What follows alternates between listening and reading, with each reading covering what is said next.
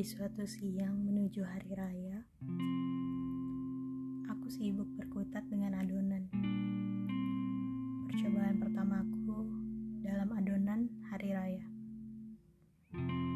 Berhasil. Lalu aku berada di dapur lagi setelah hari raya. Membuat yang sama,